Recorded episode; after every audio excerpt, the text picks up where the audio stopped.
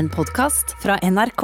NRK P2. Øystein Rudi er musiker og kulturentreprenør. Rudi har vunnet Landskapleiken tre ganger og har fått Spellemannsprisen fire ganger i klassen folkemusikk. De siste årene har hovedfokuset vært på å drifte familiegården, som er ombygd fra tradisjonell gårdsdrift til å bli et av de største kultursentrene i landet, nord for Lillehammer. Dette er Drivkraft med Vegard Larsen i NRK P2. Øystein Rudi, hjertelig velkommen til Drivkraft. Tusen takk skal du ha. Eller Rui, som det er. Det, jeg sier etternavnet ditt egentlig feil, gjør jeg ikke det? Ja, Det er Rui hvis du er nord for Ringbu, i hvert fall, men Synna Ringebu så blir det ofte Rudi. Ja. Får får bære over med meg, holdt jeg på å si. Hva, hvordan har du det? Jeg har det kjempefint, og etter mange måneder med null Oslo, så var det virkelig trivelig å komme ut på Oslo S, hoppe på en sparkesykkel og suse forbi Slottet, opp Hegdehaugsveggen og Bogstadveggen til Marienlyst. Du tok en sånn elektrisk en? Jeg gjorde det. En tier. Det, det har dere ikke uh, oppe hos dere. Det det er ikke så hyppig, i hvert fall. Da vi ringte deg forrige uke og spurte om du hadde lyst til å komme hit, så, så var du langt inne i skauen. Var på jakt. Ja, ja, jeg var på elgjakt. Ja. Og et elgjakt, og det er noe eget. Eh, Jeg husker jo fra min barndom da jeg var guttunge, å se lysa, baklysa på bilen når en far reiste på jakt. Det var liksom guttedrømmen å få henge med på det, og det fikk jeg ganske fort. Eh, Jeg fikk lov til det mens føttene egentlig var litt for stutte. Hvor, hvor, hvor ung var du, holdt jeg på å si? Nei, seks-sju år kanskje. Oi. Ja. Fikk være med kara på jakt? Være med karene på jakt. Du skal tro det var stas. Ja, hva, hva, Hvordan var den opplevelsen da? Nei, da som nå så var oss, hadde de et terreng som, som var ikke spesielt egnet for stuttfødte sjuåringer. Så, eh, så eh, det ble nok liksom eh, lagt litt ekstra til rette for at oss kunne få ta del. Og så hadde vi jo arbeid med flåing, ikke sant. Og en av mine spesialoppgaver var å spikke rein kjeven, for den skal leveres inn eh, som en kontroll på hva slags dyr du har skutt i. Å spikke ren kjeven, hvordan gjør man det? Eh, Bruke en kniv og spikke kjøtt av, slik at det blir bare bein igjen. Ja, Så det var slik guttungarbeid. Som seksåring. Ja. Hva, hvorfor er det tradisjon med å ta med så, altså, såpass unge barn? Nei, du vet at å, å nytte seg av fjellet, det har vært en eh, Å bruke ressursene der, det, det har vært viktig for folk i Bygde-Norge i alle år. Eh, Som du sa i innledninga, så, så arbeider jeg jo i Gudbrandsdalsmuseet. Og nå smelter det is. og finner gamle ting som har vært konservert under isen. Blant annet en sko av reinskinn som er 3400 år gammel.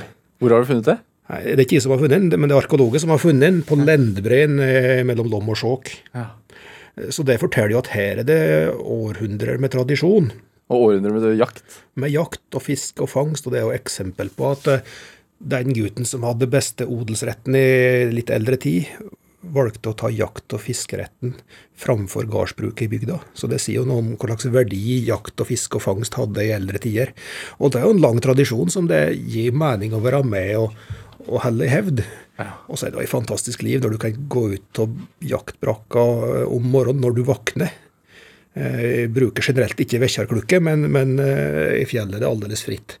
Og så kan du dra på deg Onepiece elgpysjen som, eh, som jeg har fått av min tidligere sjef. Jeg kjøpte i Vancouver i Canada. Ok.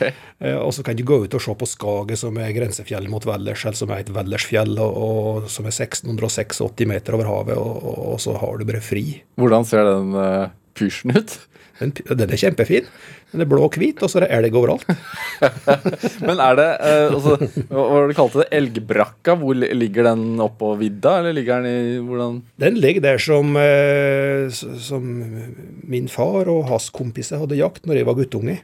En, en liten plass som heter Øyvassosen, som er i fjellet mellom Skåbu og Beitostølen. Og det grenser inn til Langsua nasjonalpark, en ganske ny nasjonalpark. Og det er Espedalen bygdeallmenning som leier ut jaktrett der. Og så har eh, vært heldige og blitt trukket ut slik at vi har hatt eh, jakt der i mange, mange år. Hvor mange år har du vært der? Jeg har vært to igjen enkelte perioder, men, men eh, det er jo 45 år siden første gangen da, omtrent. Og hvis jeg skal tippe, kanskje 25-30 år som vi har hatt lov til å gå på jakt der. Og så har jeg jo sånn jakt på vilt, eller jaktrett på småviltjakter òg, så det går jo an å gå etter rupe hvis du ikke har elgjakta. Ja, Er det noen ryper nå? I høst har jeg sett ganske mye rupe i fjellet, ja. Så det har hjulpet å ikke jakte på dem noen år? Ja, dette med svingning og rypebestand, den hele vitenskapen i seg sjøl, men det har jo noe med små, smågnagertilgangen og, ja. og, og klekkeforhold for kylling og mange variabler som spiller inn der. Men er det litt sånn årets høydepunkt? Elgjakta Det tenkte jeg på når jeg gikk nå Du får jo så god tid til å tenke, vet du. Eh, på en slik dag du står opp, og så steker du litt mat. Det, er ikke lågkarbodiett vet du, du er på jakt. Nei, hva spiser man? Nei, Det blir litt flesk og egg og diverse slike god kost. Og du tåler litt kraftig fôring, for det, oss har ikke en eneste vei som går inn i terrenget. Så det er å gå og gå og gå. Ulendt terreng? Ja, mye myr. Så før det fryser til, så er det tungt å gå. Du søkner til midt oppå leggen mange plasser, så du, får, du trenger litt eh, påfylt av energi for å klare dagen. Ja. Du, hvor mange er på jaktlaget ditt, da? Altså seks. Hva, hvordan fungerer det for folk som aldri har vært på jakt? Altså ha hver, hver person sin oppgave, eller? Um, nei, det vil ikke si. Men det er veldig like, fin uh, lagspillsøvelse. Uh, vi tar oss gode stunder hos da. Som jeg sa, står opp når vi våkner, og så ser vi på utsikten og drikker kaffe, og så planlegger vi dagen. Ja. Og da, da, er det jo alt etter hva som har skjedd dagen før, og hvilken retning vind kommer ifra, ikke sant, og, og, mange ting som spiller inn på hva du velger å gjøre. Og så har vi litt forskjellige eh, områder som vi veksler på, slik at det blir en tre-fire-fem dager mellom hver gang du er innom samme plassen, egentlig. Ja. Så man sitter ikke på post og venter? Og... Nei, du vet, dette er slik lille hiawata-jakt. Dette er det høyt i fjell. Lille hiawata-jakt? ja, du har, du har lyst sølvpilen? Ja. ja. Hvordan foregår det? Nei, Du vet at dette her er høyt i fjell, slik at det er relativt oppe terreng. Og, og kommer du deg opp i høgda, så sitter du med kikkert og, og, og finner dyr. Eh, Også, men da veit man sånn cirka hvor de bruker å gå? Ja, eh, men de kan være Det, det, det sjøl seg, det. det, det. Kommer det snog, så trekker de rattet litt oppover mot fjellet, ikke sant. Og, og trekker jo mot vind ofte, ikke sant. men, men vi har bra eh, tanke om hvor dyra finnes hen. Og så er det å legge strategien der på hvilken måte kan det være mulig å få tak i disse her i dag. Ja. Og, og særlig det med vind. Du vet det med vare. De har de har um, Bra nese. god nese og gode ører. Ja. Det går ikke an å tenke seg det hvordan disse der sanse. sanser. Det, det, er liksom utafor vår fatteevne, tror jeg. Hvordan, eh, hvor mange fikk dere has på, holdt jeg på å si? Nei, Til nå i år så har vi fått seks elger. Ja.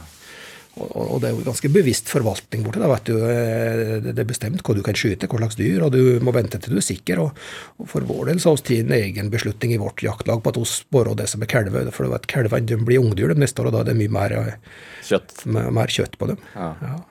Er det Kan du fortelle om siste dere felte? Altså hvordan, hvordan var planen? Hva, hva, slags elg var det? Ja, Det kan jeg godt fortelle om. Det var, det var nå lørdag, sist lørdag, ja. ja. Eh, og så gikk ut. Og så var vel seks stykker som gikk ut, ja. Og jeg og yngste broren min gikk nedover etter ei elv der. Og så fikk eh, tanteungen min, som heter Mathilde, hun er med på jakt. Ja.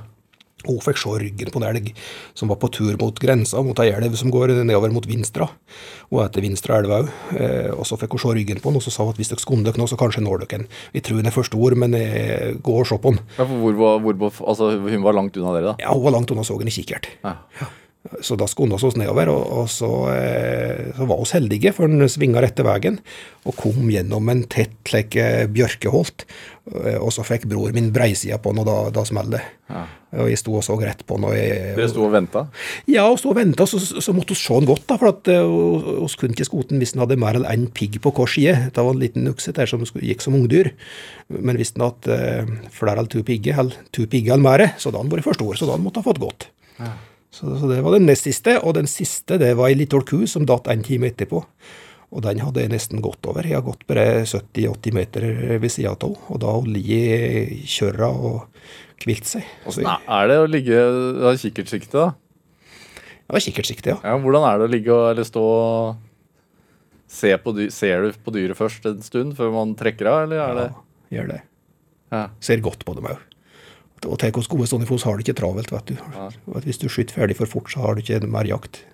Hva, hva går gjennom huet ditt da, før du tre trekker og holder pusten og Ja, for det første at du er sikker på at det er det du skal ha, da. Ja. Og så hender det at du må bestemme det fort, da. Eh, men for min del så har det blitt slik at hvis det kjennes for fort ut, så da får de gå videre. Hvorfor det?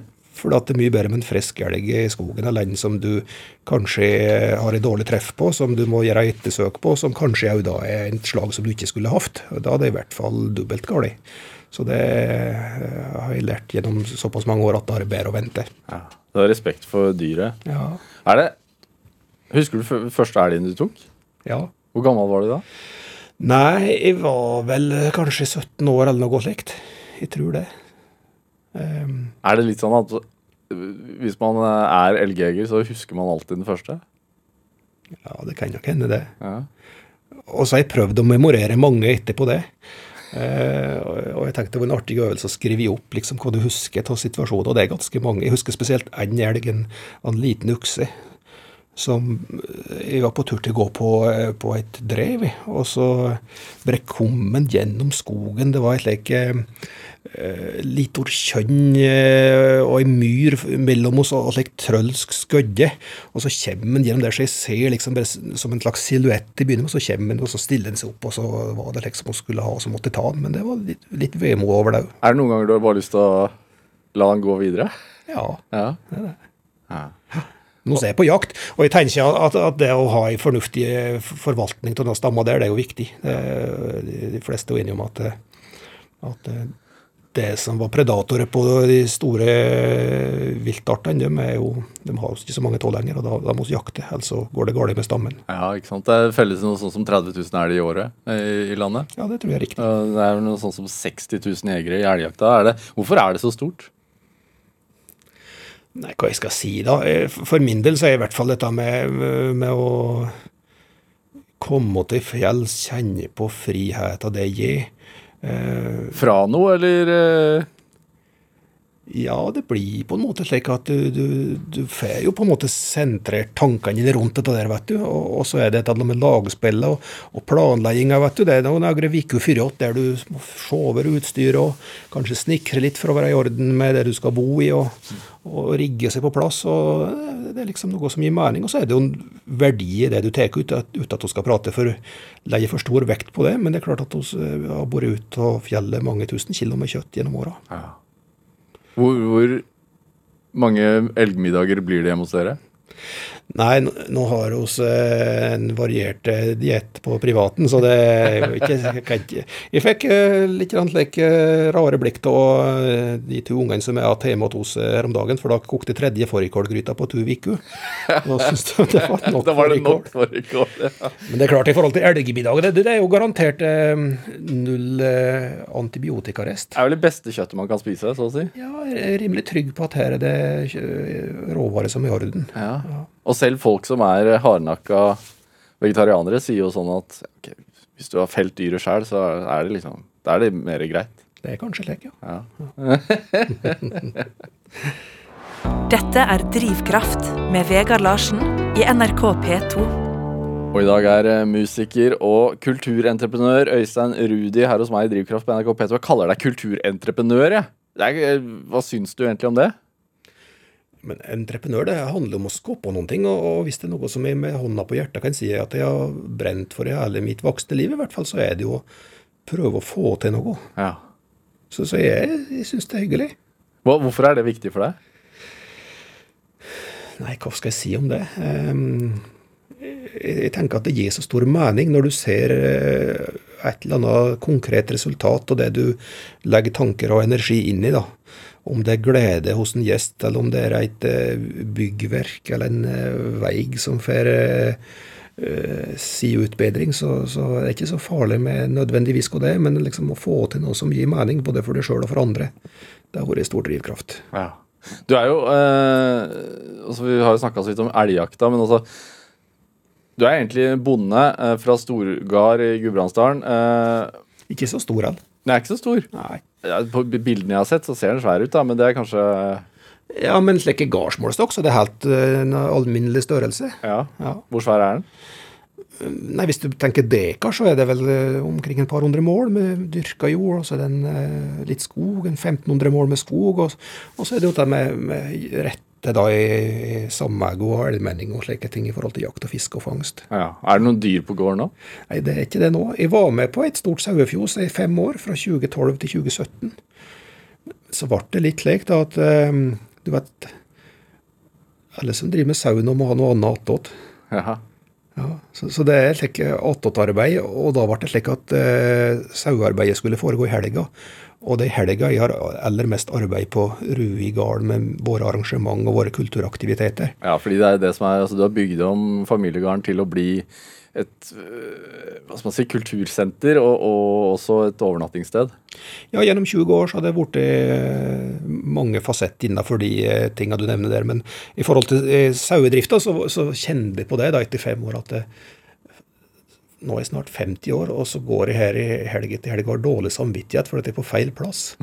Hvis jeg var på sauesank, så skulle jeg vært i natstand, og, og, og var jeg hjemme og drev med arrangement, så skulle jeg vært på sauedrift. Ja. Og det slik kan du ikke ha det. Ja, du vokste opp på gården. Ja da. Eh. Hvordan var det da du vokste opp der? Da var det oss var tre brødre, og bestefar min levde til jeg var to år gammel, men mor og far min bodde der, og, og bestemor, som heter Åse, hun bor på gården den dag i dag. Og er hvor gammel? 94. Ja. Men hvordan var- det, hva slags gårdsdrift var det der da?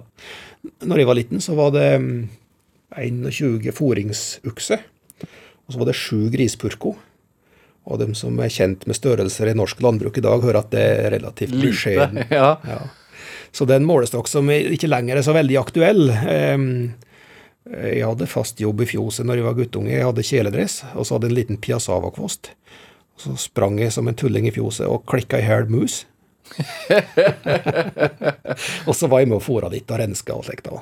Og jeg var veldig stolt første gangen jeg klarte å klippe, altså frisere, en ukse okse som har gått ute til langt på høsten og var skikkelig langragga. Så hadde jeg jobben å høste med å, å få klippet dem slik at de var nyfriserte og fine. Det er kanskje en selvsagt ting hvordan man gjør det, men jeg vet ikke det. Hvordan er det, Bruker man saks, eller bruker man Du bruker ei, kan si, ei forstørra barbermaskin. Ja. Ja. Nei, hvorfor er det vanskelig, da? Vil, vil oksen bli klippet? Nei, det er ikke støtte, vet du. Og du må vokte det litt, for eh, en stor okse har ikke noe problem med å skvette en guttunge ganske langt bortover eh, gulvet. Altså Hvis den råkommer råker med et eh, godt spark, så da kan du få vondt. Ja. Altså, det gikk ute hele, hele, hele sommeren, hele våren. Eh, er det Altså, når var det du skjønte at du ikke ville ha, drive med dyr og landbruk der, da? Men at du skulle gjøre om gården til noe annet? Nei, men du vet, Dette med landbruket det er jo noe som sitter på en måte i, i ryggmargen. Vi har jo traktor, selvfølgelig. og... Det må man vel ha? Ja, en må det, fordi at det er på traktoren du får de beste ideene, hvis du skal tenke på å gjøre noe annet. ja vel? Var det der ideen kom? Ja, men eh, jeg har aldri hatt det slik at jeg kunne sette meg på kontorpulten min og bestemme meg for å finne på noe lurt. Så, så ofte så oppstår jo ideer når, eh, når du driver med noe helt annet. Eh, Enten du er på en uh, høgfjellstur på ski, eller du uh, Er på jakt? sitter i kajakken, eller du er på jakt, eller du sitter på traktoren særlig. Da, da, da har du gode stunder til å tenke. Ja. Så, så jeg har vel jeg, jeg liker jo å si at jeg er en slags gårdbruker fortsatt, men i en litt like, overført betydning. Og jeg, kjenner meg jo veldig heldig som får lov til å ha en så variert hverdag som jeg kjenner at jeg har. ja, men hva var det som trigget ideen? Å starte med kultur, Kultursenter og Det kan jeg si litt om, fordi at eh, som du nevnte, så har jeg, eh, jeg var en del av den eh, store spellemannsopplæringa som starta i Sør-Fron, som er ei lita bygd på litt over 3000 innbyggere, i 1974. Så begynte to ildsjeler som heter for Arne Risdal og Anton Amundgard med felekurs, og den tradisjonen var nesten død i Sør-Fron da. Det var rock'n'roll i 60-åra, og så kom Oddvar Nygaard med trekkspillet sitt, men fele var det lite av. Og jeg ble med ganske tidlig på det. I 1977, som åtteåring, begynte jeg å spille fele. Um, Var det tilfeldig at det ble fele? Jeg begynte på notekurs først. Hva, hva er notekurs? Notekurs er liksom det første steget i en karriere som, eh, som eh, hornmusiker, eller janitsjar-musiker.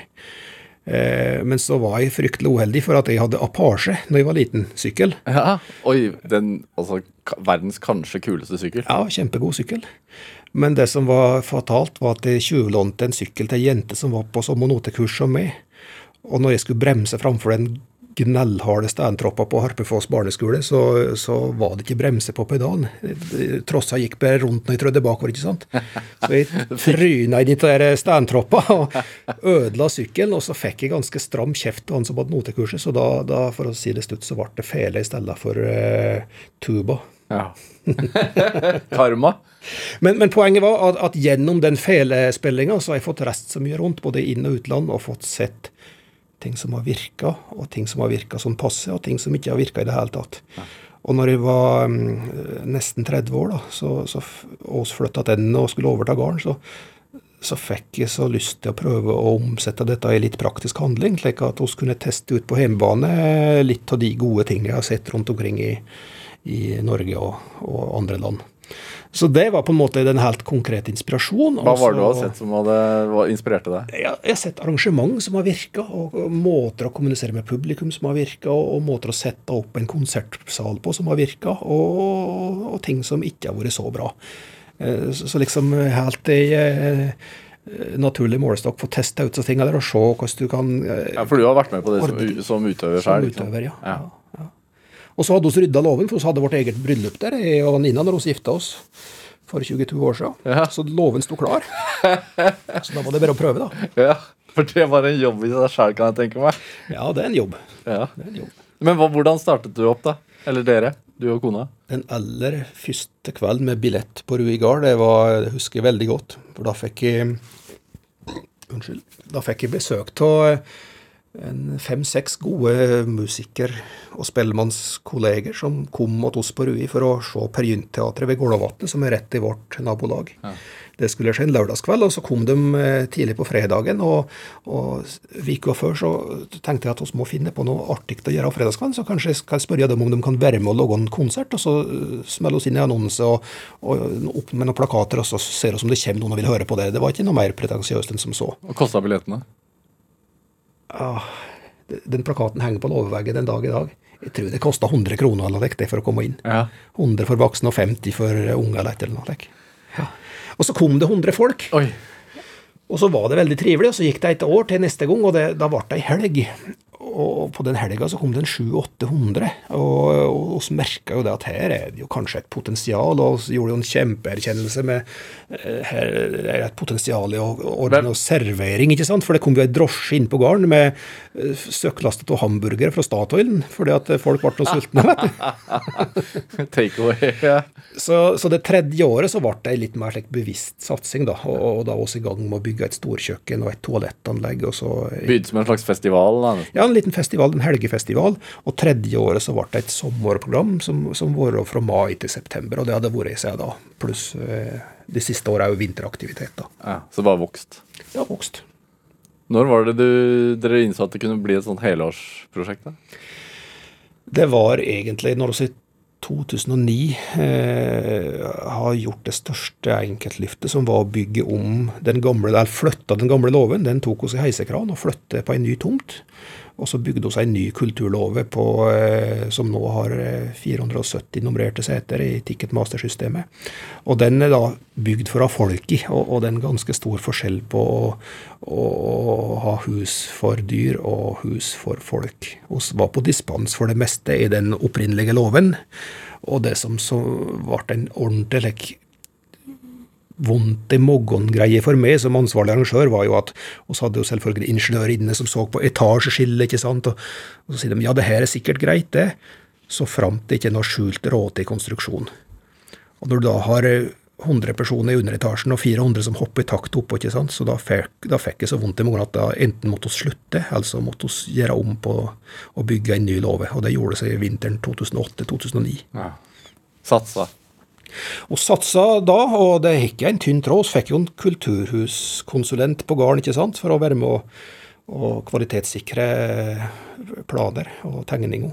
Men, men altså fra det første året, som eh, 20 år siden, var det, hvem var det som kom da? Var det folk fra bygda? Altså, Første året var det nok folk fra bygda, ja. Ja. Og, og antagelig andre òg. Eller i hvert fall fra bygda og nabobygda sør og nord.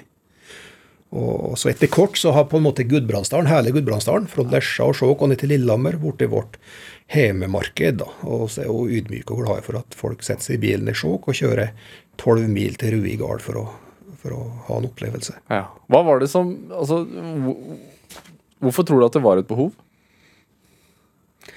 Nei, hva skal jeg si om det? Eh, Jeg tror at det med å oppleve kvalitetsarrangement i en slik eh, Og så lagt veldig vekt på at her skal det være usnobbete og øh, jordnært og alminnelig. Og det skal være god mat, og det skal være nok mat når det er snakk om servering. Og vi opplever nok iblant at folk sier det at um, det er litt lettere å komme på Kari Bremnes når hun spiller hos dere, eller når hun spiller på et en, uh, kulturhus der det liksom I Lillehammer, f.eks.? Ja, kanskje. Og det- dette er ikke sagt som noen forkleinelse, for det er ofte der, og det er veldig mye fint som skjer. Men, men noe med at uh, dørstokken kanskje blir litt lågere, og at kulturlandskapssettingen og gardstunet er en innramming som mange folk setter pris på. Og etter ti år så begynte det å komme hyttefolk. Det tok lang tid, skal jeg si det.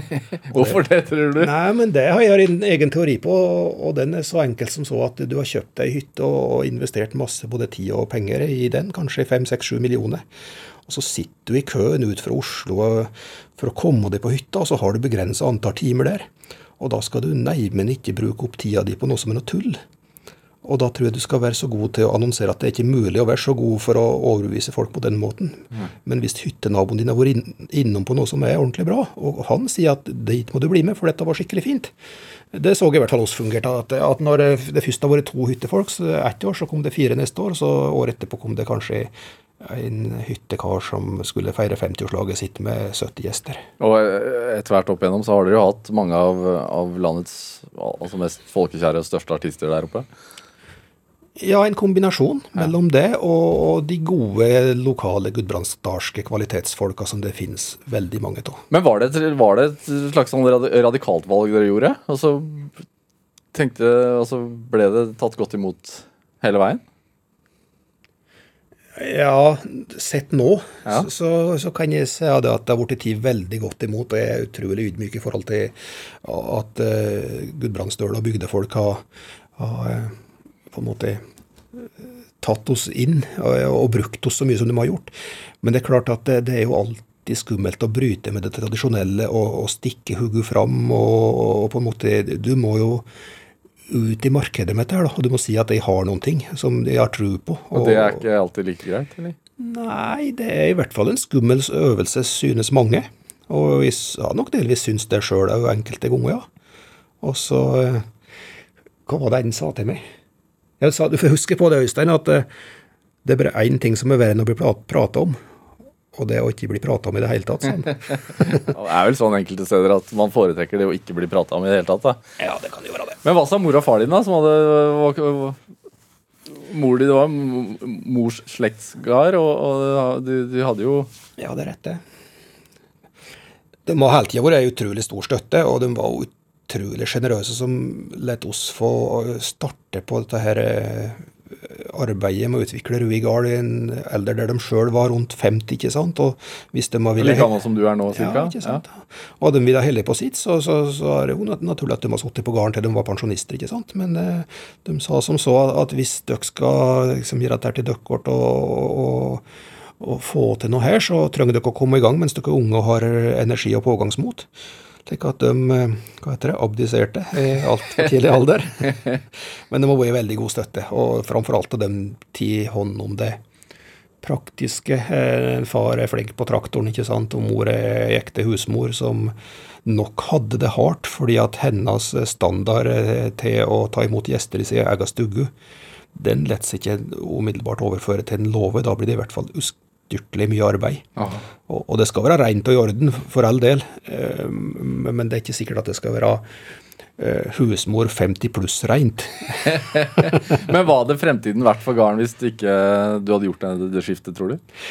På det tidspunktet vi overtok, og fortsatt i dag, så er det jo mulig å utvikle seg innenfor tradisjonelt landbruk hvis du har eh, sterk nok interesse og, og stor nok guts og, og eh, hva skal jeg si, orke å sitte på traktoren så mye som du må. For, for jeg ser at de som driver landbruket nå, de driver ikke én gård, de driver ofte tre eller fire eller fem og har store transportjobber. Og de springer så fort at jeg beundrer dem, og jeg spør meg sjøl er det snart umulig å springe fortere enn de som driver moderne landbruk nå gjør. Det tror jeg kanskje snart er en tøff øvelse. Men hvorfor var ikke det et liv for deg? Kanskje jeg er for glad i folk.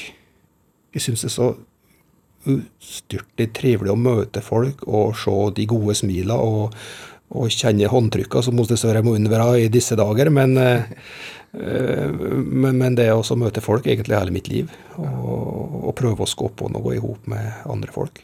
Du har sagt at bygda ikke er en statisk enhet. Det er en utrolig stor utvikling så jeg begynner å huske fra sent 70-tall eller tidlig 80-tall. Eh, jeg hadde utrolig sosiale besteforeldre på farssida òg, og, og der var vi mye i min barndom og ungdom, og jeg kommer jo haug hvordan de stadig vekk fikk folk innom, og òg på Rui. Folk som kom på uanmeldte kaffebesøk. Og den tradisjonen som jeg savner veldig.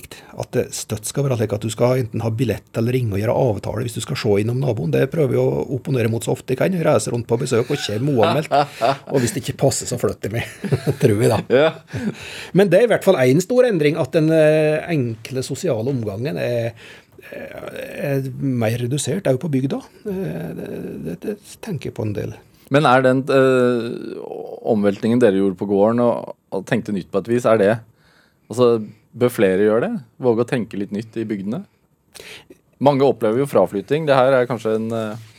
Vet du at Det er veldig mange som tenker nytt. I, i mitt virke som museumsdirektør så bestemte jeg meg i sommer for at jeg skulle reise og besøke alle mine sommeransatte. Det er rundt 40 som jobber i museet på sommeren. Ja. Og i stedet for å nikjøre med bil ut fra Rui til, til alle bygder i Gudbrandsdalen i, i løpet av ei uke, så tok jeg en liten gråtass og hekta på ei campingvogn, og så folierte oss den med gull. og så ble navnet på turneen Gråtassen og Gullegget. Og den oppriktige meninga med det var å, å besøke eh, folk i dalen som eh, brenner for noen ting, og som gjør noe bra, og som gjerne bryter med litt konvensjoner og, og utvikler nye ting. Og jeg kjørte fra eh, tidlig morgen til sen kveld i hel uke, og jeg rakk på ingen måte overalt. Men jeg var innom eh, mellom 40 og 50 enkeltpersoner og bedrifter. Så det var en fantastisk reise. Hva gjorde du? Hva skjedde på de møtene? Jeg trefte folk og prata med dem. Og drakk kaffe og hadde det morosamt. Og utveksla ideer og tanker om eh, hva som er gjort, og hva som er mulig i framtida. Ja, hva fant du ut da? Jeg fant ut at skaperkraften er stor. Og entusiasmen og gleden og og innsatsen er det, liksom, det er så mange gode folk. Det, det, er rett og slett utrolig mange gullegg i Gudbrandsdalen, og, og det, det er òg i andre dalføre i Norges land, det vet jeg. Ja. Hva gir det deg? Hvorfor har du den energien, tror du? Eh, nei, det gir meg jo liksom tro på framtida, da. Eh, det, det, kan jo liksom være slik at du iblant ser at nå er det mange ting samtidig som butter. Eh, men den kraft og den energien som en opplever på en slik tur, det, Eh, det i gang i månedsvis etterpå, det, fordi at du blir så oppglødd og får så tro på det som ligger framfor oss. Men hva er du mest bekymra for, da? Det begynner å bli en del kompliserte system. Og, og hvis du er ordentlig eh, Hva skal jeg si da? Hvis du skal være 100% på alle system som kreves for å drive en liten bedrift i dag, så da får du ikke gjort noe annet enn å vedlikeholde systemene. Så glemmer du å produsere det du skal leve av. Hva slags system er det snakk om? Nei, men jeg kan jo si bare for vår del, så, så har vi hatt et fantastisk samarbeid med dem som er med og setter premisser for vår drift. da. Men det er klart at du skal ha HMS-plan, du skal ha brannplan, du skal ha evakueringsplan, du skal ha plan for uh, intern kontroll på alle mulige kanter. Og min viktigste internkontroll har blitt en lærdom som jeg tok med fra eh, eh, mange fine år som elveguide i Sjoa. Der vår eh, rivermanager Emmet Lucy fra California sa at 'look at the big picture', sånn. Se etter det store bildet, og prøv å ta innover deg hvor kan din innsats gjøre mest ut av seg akkurat nå. Kanskje skal du hive det du har i egne hender, og, og hjelpe kollegaen din som træler med et eller annet som er vanskelig å løse alene. Um, og så lærte jeg en annen viktig ting, at uh, hvis den svenske kjerringa som sitter fremst i båten din på veien over sjoa, vipper ut av båten og havner under båten, og fader ikke kommer fram igjen, da må du ha en plan B. Da må du hoppe ut av ditt sete, og så må du under båten og dra henne fram igjen. Uh, ellers så går ikke dette noe bra. Og det må ha noen slike enkle rutiner. og Det har vært, hatt veldig stor overførselsverdi til det å drive et eh, kultursted med iblant 600-800 gjester på en kveld. Da må du ha en tank med vann stående hvis, eh, hvis brunnen går tom ikke sant, og 500 personer skal på toalett samtidig. Da må du fylle på vann, ellers så blir det her bare tull. Ja. Og, og, det er bare ett eksempel på veldig mange. så... Eh, Øystein Rudi, du er jo eh, folkemusiker også, i tillegg til at du drifter dette kulturhuset. Um, Ja, det, det er jo det jeg er. Det er det du egentlig er. Eh, jeg tenker vi skal eh, høre litt på hva du egentlig er. Eh, spiller jo en gruppe som heter Kvarts. Eh, Samarbeida med Kringkastingsorkesteret blant annet. Det er en slags modernisering, det? Er det ikke det, da? I Kvarts har vi hatt en eh, hos alle som en i Kvarts er mer eller mindre tradisjonsspillmenn. Noen med litt slagside mot den klassiske sida, noen mot rock'n'roll og roots og, den pakka. Men det å blande sjanger og være med på nye ting har vært et mantra for oss. Ja. Vi skal høre en låt som heter 'Maskedans'. Hva er det å si om det? Unnskyld, hva sa du? Nei, jeg sa vi skal høre, høre en låt som heter 'Maskedans'. Maskedans var et av arrangementene som var gjort til den eh, konserten som det var en stor opplevelse å få gjøre i lag med KORK eh, ved flere anledninger, faktisk. Ja. Og um, Selve komposisjonen var gjort i forbindelse med et annet veldig spennende samarbeid, der folkemusikk og folkedans ble tatt inn i en scenisk setting. og Det var regissøren Leif Stinnerbom fra, fra Vestland og Teater Sunne i Värmland som var med og gjorde det tidlig på 2000-tallet. Så her er det flere crossover-linker. Okay, la, la oss høre, da.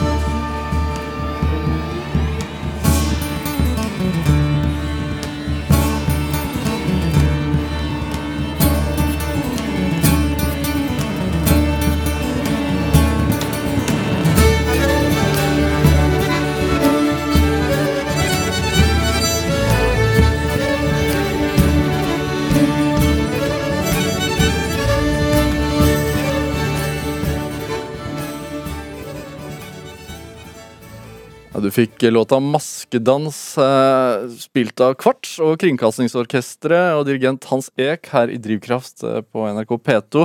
Valgt av dagens gjest eh, fordi at han faktisk spiller på låten, nemlig Øystein Rudi, som er musiker, folkemusiker. Landskappleik. Mm. Det har du vunnet tre ganger. Eller er det flere? Nei, det er tre. Altså, hva er landskappleik?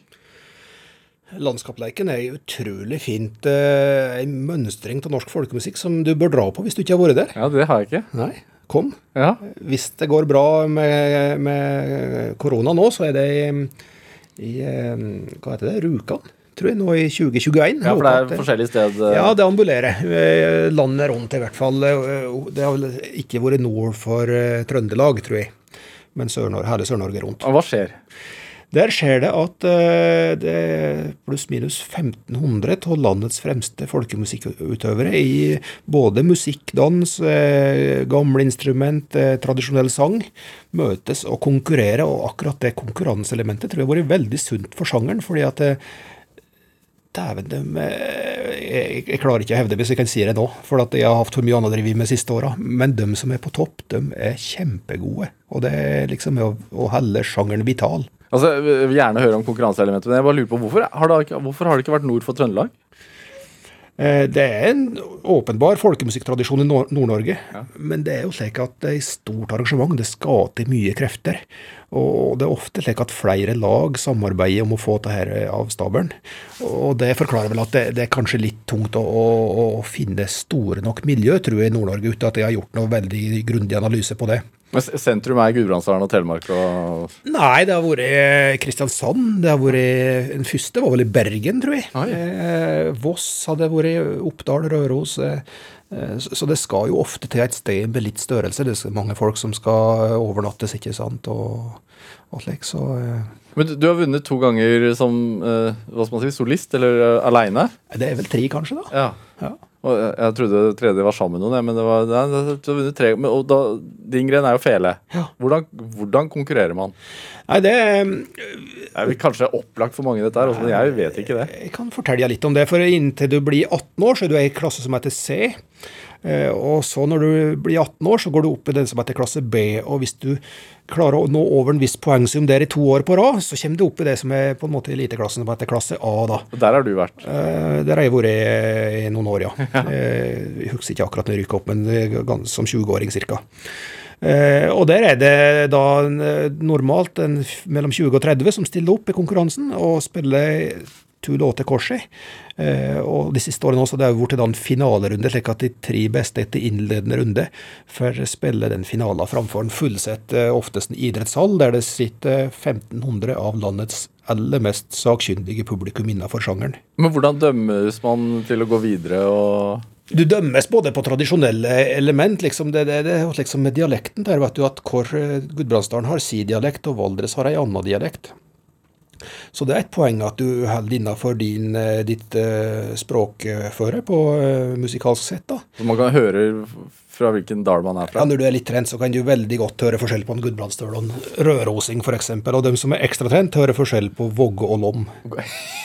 Går det an å, går det an å, besk altså, kan, går det an å forklare, beskrive det med ord, eller? Ja da, det gjør egentlig det. Det, det, det, det er jo no, noe med særlig rytmikk, tempo, og, og du har en tretakt, ikke sant. I Gudbrandsdalen så har vi det verbalt i, i dikta, ikke sant. Det sto en villaksion på Tande som støkken står til den dag i dag. Det er tretakt, ikke sant. Ja. Og hvis den vært lest på rødrosing, så har han hatt en annen eh, symmetri i, i takten sin, og når du blir litt trent på det, så hører du det på, i løpet av to sekunder av en låt. Ja. Så dette er interessant. Ja, men, men, men tilbake til spørsmålet mitt. Hvordan dømmer man dette? Du, du dømmer det både på de tradisjonelle elementene, og så dømmer du jo selvfølgelig på teknisk briljans og rett og slett framførelse. Og, og, og hva slags eh, publikumsopplevelse er det å høre på, på, på de forskjellige utøverne. Og, mm, så, så, og det blir eldre objektivt, ikke sant. Her er det støtt et element til skjønn. Eh, Det blir som å bedømme et bilde eller, eller en symfoni, det. Men ville jeg, som er ganske huterett, eh, forstått hvilke, hvem som var best? Det er jeg ikke helt sikker på. Nei. Nei. Men, men du ville åpenbart klare å skjølge de beste fra de dårligste, for, for, det går på slike ting så, som, eh, så, som strøk og tonekvalitet og slike ting, og, og det hører alle. Eh, Men det er noe slik på landskapsleken at der er folk stort sett oppspilte. Det er ikke så veldig mye altså Det er jo sånn konkurranse innad i musikk. Jeg kan tenke meg liksom Altså, i rap så er, kan det være konkurranse. Da kan man liksom battle mot hverandre, to rappere, og så kan man finne ut hvem som er best. Ja. Altså, hva, hva er, Hvorfor er det viktig med det konkurranseelementet? Slik jeg opplever det, i hvert fall, så har eh, alle som stiller opp nå, et veldig sunt forhold, og folk er innforstått med at her er det objektivt eh, Ikke helt objektivt, her er det subjektive kriterier som kommer inn. Og folk eh, I hvert fall for min del, så kan jeg nå si at jeg har de siste åra jeg var med, tenkt mer på at hvis jeg skal stille på landskapsleken, så skal jeg i hvert fall ha tid til å forberede meg, slik at jeg kan prestere så bra som jeg omtrent har mulighet til. Um, og når folk har gjort det, så, har jeg inntrykk av at flere og flere tar det litt med ro i forhold til akkurat den rangeringa på resultatlista. Eh, men, men, jeg tror like fullt at det er med å liksom holde oppe driven i den norske spellemannstradisjonen. slik at eh, det, det, det, er alltid sunt med konkurranse, og folk, publikum er veldig engasjert. ikke sant? Når en sitter med blokker og skriver opp poeng og rangerer og har store diskusjoner rundt dette. Ja, ikke sant? Så det er en, en positiv ringvirkning der. Ja, jeg synes det. Men altså, jeg tenker sånn, når du vokser opp på en gard på, i Sør-Fron i Gudbrandsdalen, så altså, var det et musikkinteressert hjem? Altså, hvordan var du, begynte jo skulle egentlig spille blåseinstrument, men så ble det fele. Altså, men hvorfor, hvorfor, musikk i det hele tatt for deg? I et uh, gardstun og på et gardsbruk så det er alltid, tror jeg, element av bevissthet rundt tradisjoner. Jeg hadde en oldefar som fikk koldbrann i foten som tenåring og måtte amputere. Han ble kunstner, gikk på Kunstindustriskolen her i Oslo fra 1904 til 1906 og var veldig interessert i den delen av folkekunsten. Treskjæring og måling og den slags. ikke sant? Bestefar min spilte fele, far min spiller trekkspill fra en trekkspillklubb. Og, det var mye musikk hjemme da jeg var liten. Hvorfor er det så viktig, tror du? Altså, hvorfor har det vært så viktig opp igjennom på, som du sier, på gårdstunene? Å omfavne kunsten på den måten? Eh, nei, hva skal jeg tro om det? Jeg ser jo det at det, det er jo grensesnitt mellom kunst og håndverk. Og, og, og, ved å være litt bevisst på disse tingene og litt fingerferdig, så kan du ordne ganske mange ting sjøl. Og den dag i dag så blir det faktisk for dyrt hvis du skal gå på Claes Olsson og Biltema og kjøpe alt du har bruk for. Eh, og så er generasjonene litt uenige om hvor grensesnittet der går hen, eh, sjølsagt. Hva tenker du sjøl?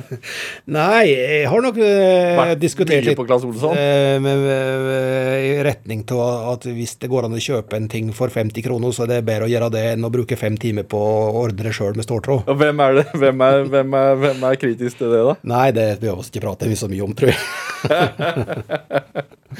Går tilbake til de HMS-reglene du pratet om tidligere. Men altså Så det var Du hadde et ønske om å, å drive med dette fra veldig ungt av? da? Det ble en veldig god kultur for spellemannsmusikk. De som starta felekurset hadde en utrolig god læringsfilosofi som gikk på at så snart oss som unge var gode nok til å gi en positiv opplevelse at de som var beboere på aldersheimen i bygda, så ble oss time dit. Og så skjønte oss det jo da underbevisst eller bevisst at her, her er oss med å glede noen. Her har oss en god funksjon. Mm. Et år seinere så fikk vi være med på høgfjellshotellene, som da gikk for fullt på fjellet, ikke sant, med stappfulle hus. oss fikk eh, spille mot applaus og koldt bord. og, og, og, det at du som unge blir tatt ut og, og, skjønner at du er med å gi et positivt bidrag til dem som er gjester i vårt distrikt, ja. Eh, det, det, gjorde at eh, for oss hadde stutt fra min alder, og stort sett yngre da, nedover, så er det den vesle bygda som heter Sør-Fron, med 3000 innbyggere, eh, jeg tror rundt 80, som i større og mindre grad har vært felespillere de siste 30 åra. Er det mange, det vil jeg si. Det er en prosentuell høy andel, ja. ja. Men er det Altså, det er noe som heter ruifela eller sånn. Ja, ja, ja. det vet jeg. Men det, det vet jeg fordi at jeg kjøpte ei fele som en Øystein Rui fra Valdres har gjort den nesten ferdig, og så var det en annen felemaker som fullførte den. Så det har ikke noe med dyreslekt Det er ikke Gudbrandsdalen, det er Valdres. Ah. Og du vet Valdres, det, det var krig det mellom Gudbrandsdalen og Valdres om jakt og fiske i gamle dager. så det er egentlig feil fele for deg å ha? Ja, men også, har bukse med åra. Ja. Så nå er det et godt kollegialt samarbeid i fjell, hele fjellregionen, tenker jeg, fra Røros til Telemark, ser du at den har veldig mye fellestrekk. Men det er jo stor, altså, det er jo en relativt stor kontrast mellom det ungdom begynte med der, da, altså fele og, og hva skal man si, på 70-tallet, punk, som mange kanskje startet med. Ja. I Sør-Fron ble det hipt å spille fele. Ja. Er det det ennå? Ja, det tror jeg det er folk eh, Noen som må innrømme at jeg er ikke i førstelinja i forhold til å lære opp unge folk. Det har jeg dessverre ikke hatt tid til å prioritere, men, men eh, det er stadig ungdom som kommer til, og det er et veldig livskraftig og godt miljø. Men hvor viktig er den uh, tradisjonstankegangen, at det er eldre som lærer opp de yngre? og at det det er en veldig forlokkende måte å, å på en måte både ta i vare, men òg videreutvikle tradisjon på. Eh, og det, det, det, det som i håndverkskretser kaller for håndbåren kunnskap. som jeg tenker blir utrolig levende mot at du setter med et notepapir og, og liksom prøver, prøver, å tolke det. Her får du med så mye annet, du får med historikken rundt, ikke sant, og, og liksom det autentiske auraen som er rundt tradisjon. Og, og jeg ser at de som er godt interessert, i hvert fall, de, de, er utrolig opptatt av det blant ungdommen i dag, og det er trivelig å se. Ja, du, er som, ja. du, er museumsbestyrer. Er det fare for at det kan forsvinne? Jeg tror ikke det. Nei. Jeg tror at den norske folkemusikken er, har en så sterk eh, eh, egenart og, og eh, posisjon at eh, at uh, den vil være der. Men så har jeg lyst til å sende utfordringa f.eks. hit til huset på Marienlyst. At, at oss må jo bruke det. Hvis ikke oss tar vare på vår, vår, egen tradisjon, så er det ingen andre som gjør det. Ja, er det for lite fokus, tenker du? Ja, jeg tenker iblant at det er det. Jeg skulle ønske at det var litt større vilje til å, eh, å tørre å ta fram vårt eget uh, arvesølv. Hvorfor tror du man er litt sånn redd for det, eller fokuserer lite på det? Rating, kanskje. Rating? lyttertall og seertall og klikk, muligens. Ja. Jeg vet ikke helt, jeg har ikke analysert det veldig, men, men, men eh, hvis det er noen som har bestemt meg for egen del, i hvert fall at jeg, jeg vil ikke i mitt liv gå med lua i hånda og lure på om det vi har i vårt eget land og vår egen tradisjonskultur er bra nok. For det tenker jeg at jeg har bare bestemt meg for at det er det. Hvor, hvor viktig er det eh, på, på kultursenteret, altså Ruigård, å, å få frem det? Det, det er viktig. og så har jeg håper i hvert fall at vi har et uh, utrolig bevisst forhold til kvalitet. Og så er det mange målestokker på kvalitet, og iblant kan kvalitet være uh, som det var for tre helger siden, der vi hadde ungdommer fra hele Gudbrandsdalen, 50 stykker, som i et prosjekt som kalles Folkrekrutt, framførte resultatet av over ett års arbeid med samling og øving. Og, og, det er klart at når unge er fra ti år og oppover til litt mer enn det, så hadde de ikke nådd høgda si i musikalsk objektiv kvalitet. Men for dem som satt i salen da, eh, som var både interesserte og foreldre og, den pakka, så var det en fantastisk kvalitetskonsert. Ja. Eh, og så må vi i andre tilfeller ha litt andre målestokker på det. Du eh, Øystein Rudi, du flytta jo hjemmefra ganske tidlig, fra gården. 15 mm. år? Ja, jeg, begynte, jeg flyttet på hybel som 15-åring. Da begynte jeg på Gjerleidske håndverksskole på Dovre.